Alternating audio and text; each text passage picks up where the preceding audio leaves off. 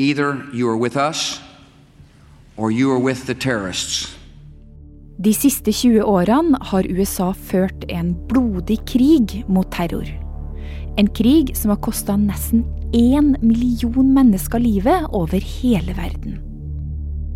Og alt starta om morgenen den 11. september 2001. This is terrorist. Somebody hijacked the plane and One of our producers said perhaps a second plane was involved. like not- six, seven floors were taken out. Another passenger plane hitting the World Trade Center.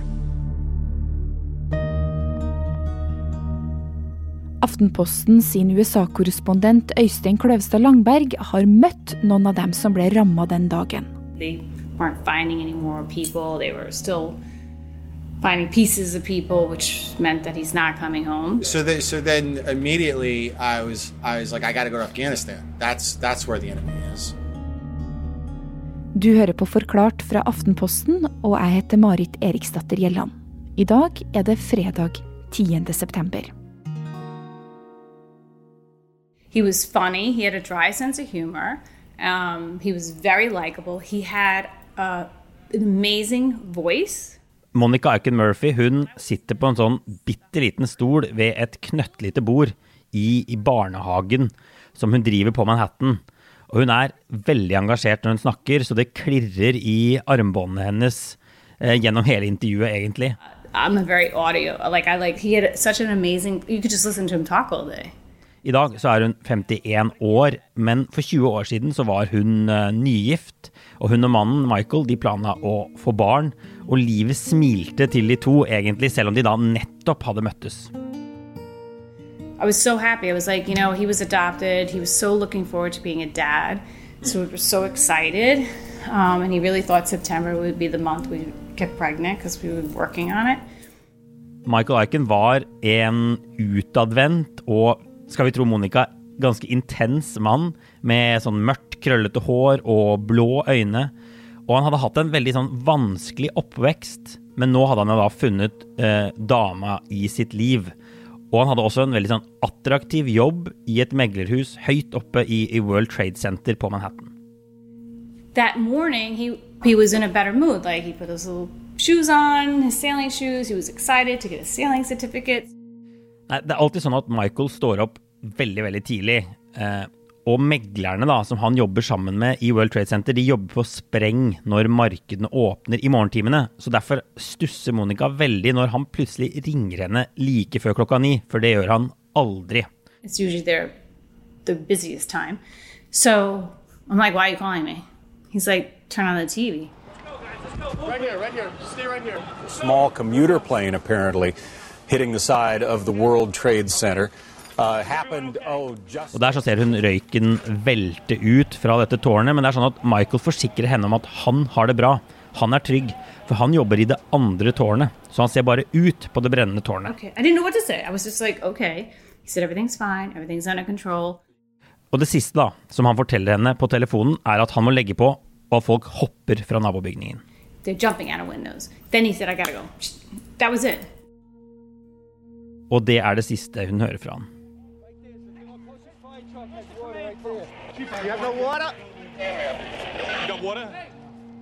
And then I see this thing that's a big jumbo jet, right? I'm like, where's that going?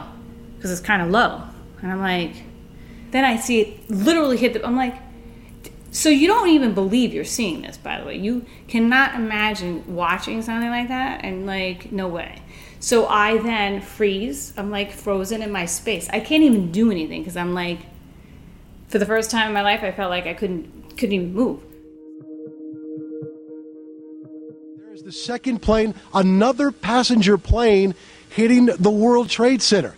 These pictures are frightening indeed. These are just Og når fly nummer to kommer og treffer det andre tårnet, så får en hel verden se det mer eller mindre direkte. Og da er det jo ikke lenger tvil om at USA er under angrep. And then I just assumed he got out the whole time. But I watched the news all day, got the phone calls, tried to figure out, piece it together. If his friend got out, maybe he's confused, maybe something happened, he got hit in the head because there said things were falling. And I don't know whether it's another explosion or a portion of the building falling away, but something major just happened at that building. I mean, when you look at it, the building has collapsed. That tower just came down. Monica innser etter hvert at håpet om å finne mannen i live blir mindre og mindre, men hun gir egentlig ikke opp. Hun henger opp sånne uh, savnet-bilder rundt omkring i New York, og det gjør også veldig, veldig, veldig mange andre mennesker. Det kommer til å prege byen i lang, lang, lang tid, alle disse menneskene som folk håper å finne, men som de da innerst inne vet at antageligvis er døde. Og Monica hun håper på en telefon fra et sykehus, men hun hører ingenting. Og hun venter og venter og venter, og timene går, og dagene går, og ukene går. Og Etter hvert så holder hun en sånn minneseremoni for mannen, men hun innbiller seg likevel av og til, selv etter det, at, at han går rundt på Manhattan med et slags hukommelsestap. Og av og til så ser hun menn med krøllete svart hår på gaten, og da tenker hun der er Michael. I noen sekunder. Før hun skjønner at det er selvfølgelig ikke han. Det er noen helt andre. Han er død. De har bare aldri funnet han. 2977 mennesker ble drept i angrepene den 11. september 2001. Nesten halvparten av dem har ikke blitt funnet igjen. I tillegg til de to flyene som krasja på Manhattan, så var det også et fly som kjørte inn i forsvarsdepartementet Pentagon, og ett som krasja på et jorde i Pennsylvania. Og angrepene førte til et sterkt ønske om hevn, som skulle fange USA i brutale og langvarige kriger. I believed everything George Bush said. Why wouldn't I believe it? Når disse store passasjerflyene krasjer inn i disse to tårnene på Manhattan, så er 21 år gamle Joe Quinn et stykke nord for byen, på West Point, som er den amerikanske hærens krigsskole. And then calling and, and not knowing personally what tower was he in, and calling home and finding out he was in the North Tower, and then um, Men broren til Joe jobber helt øverst i det ene av de to tvillingtårnene. Og Joe ser på TV at bygningen kollapser, og da kollapser han også selv på gulvet. For han skjønner inni seg, sier han, at broren hans antageligvis er død. when the North Tower collapsed 90 minutes later, um, I just collapsed to the floor, and I knew Det blir veldig fort klart at USA vil slå hardt tilbake mot dem som utførte 11. Mange er også ekstremt sinte. Mange vil ha hevn. Og ni dager etter terroren så går president George W. Bush på talerstolen og erklærer en global krig mot terror. The evidence we have gathered all points to a collection of loosely affiliated terrorist organizations known as Al Qaeda. Og Da sier han flere ting. Han sier at den vil ikke ta slutt, denne krigen, før hver eneste terrorgruppe med global rekkevidde er blitt funnet, stanset og beseiret. Og han sier også at alle verdens land står overfor et veldig sånn klart og tydelig valg. Every nation in every region now has a decision to make. Either you are with us or you are with the terrorists.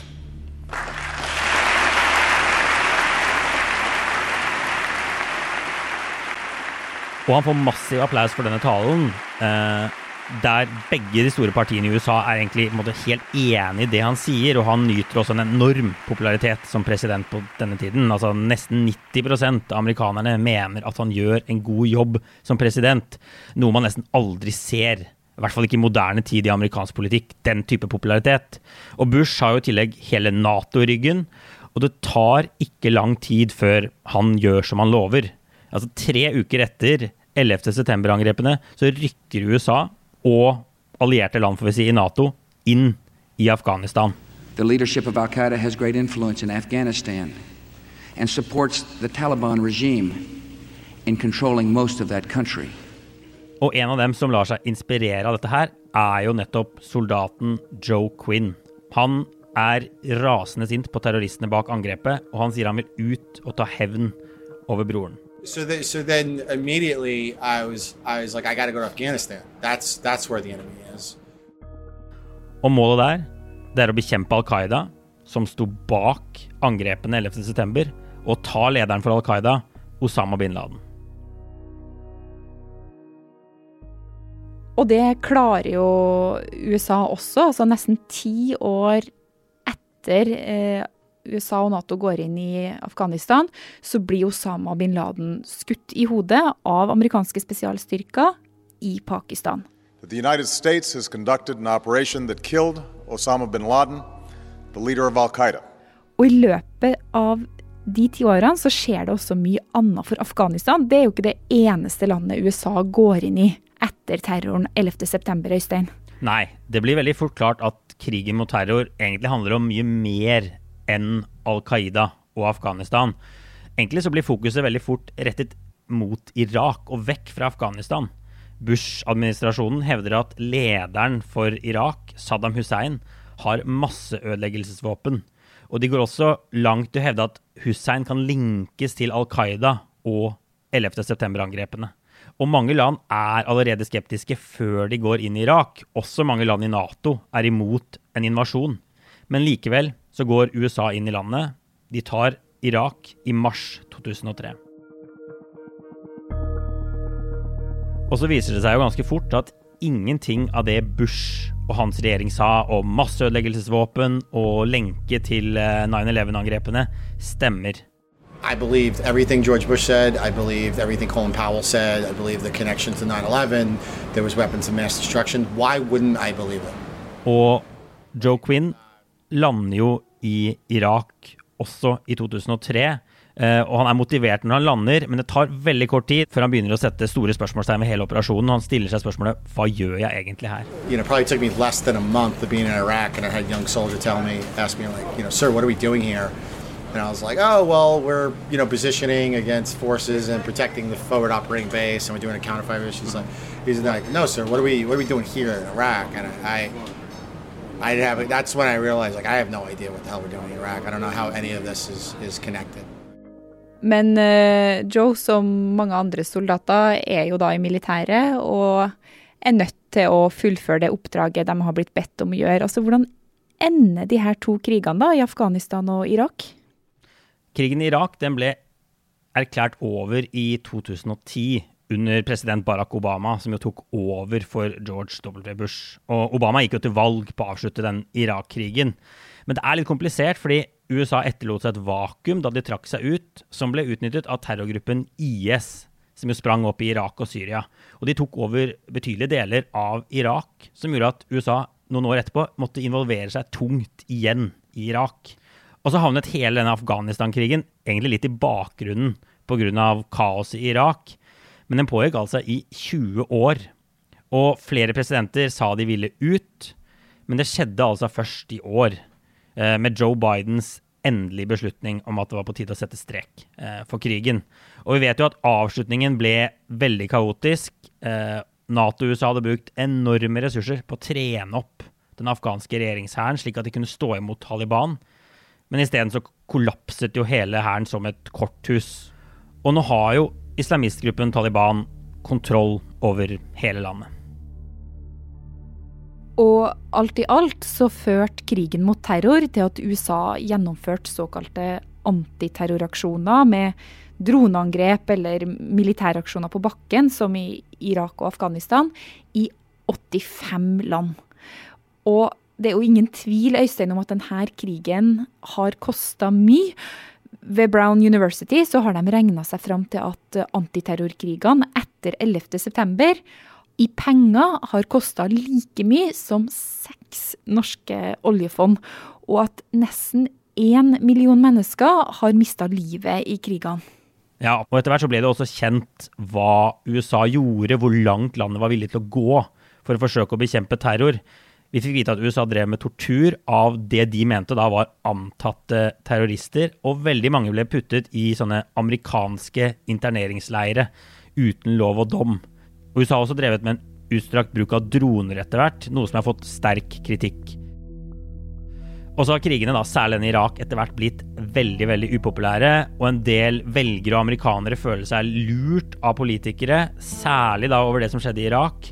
Og det har gått utover tilliten til hele politikerstanden og til amerikanske myndigheter.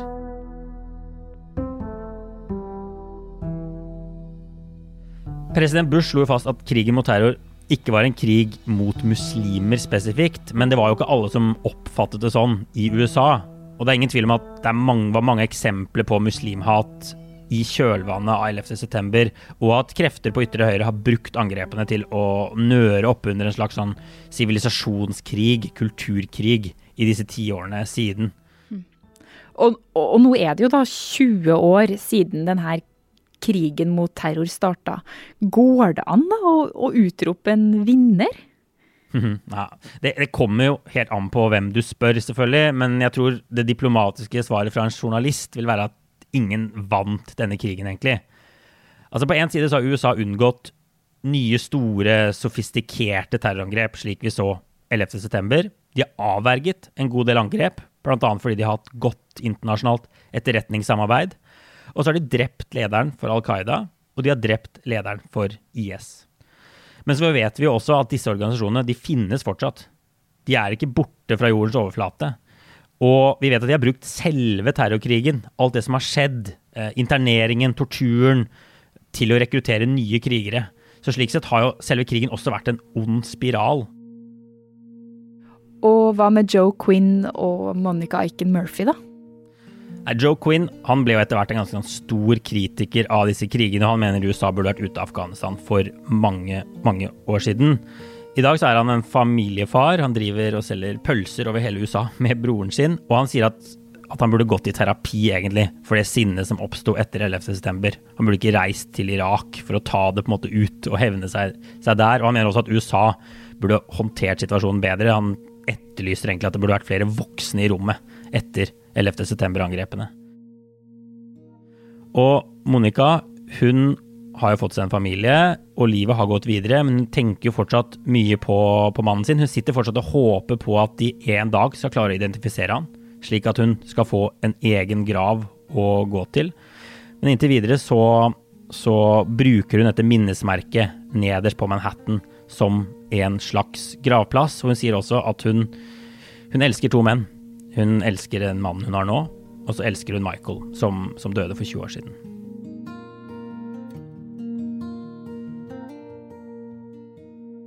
Det her har jo da prega livet til egentlig en hel verden, indirekte eller direkte nå i 20 år. Altså, hvordan kommer det til å prege de neste 20 årene? Nei, altså jeg tror Et sentralt spørsmål er hva som skjer med krigen mot terror nå som USA er helt ute av Afghanistan. Jeg tror ikke vi kan erklære hele denne krigen for over ennå. Altså, USA vil fortsatt angripe det de mener er terrorceller med, med droner, f.eks. Og kommer det et nytt stort terrorangrep, ingen kan jo vite disse tingene helt sikkert, så kan det selvfølgelig endre bildet ganske mye. Men sånn det ser ut nå, så vil de neste 20 årene handle mindre om terror for USA og mye mer om stormaktsrivalisering, egentlig. Og dette er jo noe Biden også sier helt direkte. Dette er på en måte hans visjon. Han ville ut av Afghanistan han, for å fokusere fullt og helt på konkurransen med Kina fremover. Så det ser ut til å bli USAs store prosjekt de neste 20 årene.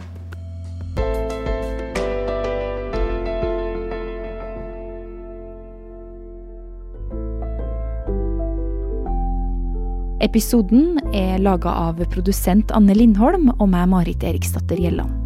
Resten av Forklart er Fride Næss Onsdag, David Vekoni, Andreas Bakkefoss og Guri Leiel Skedsmo. Du har hørt lyd fra nyhetsbyrået AP, CNN, Fox News og NBC.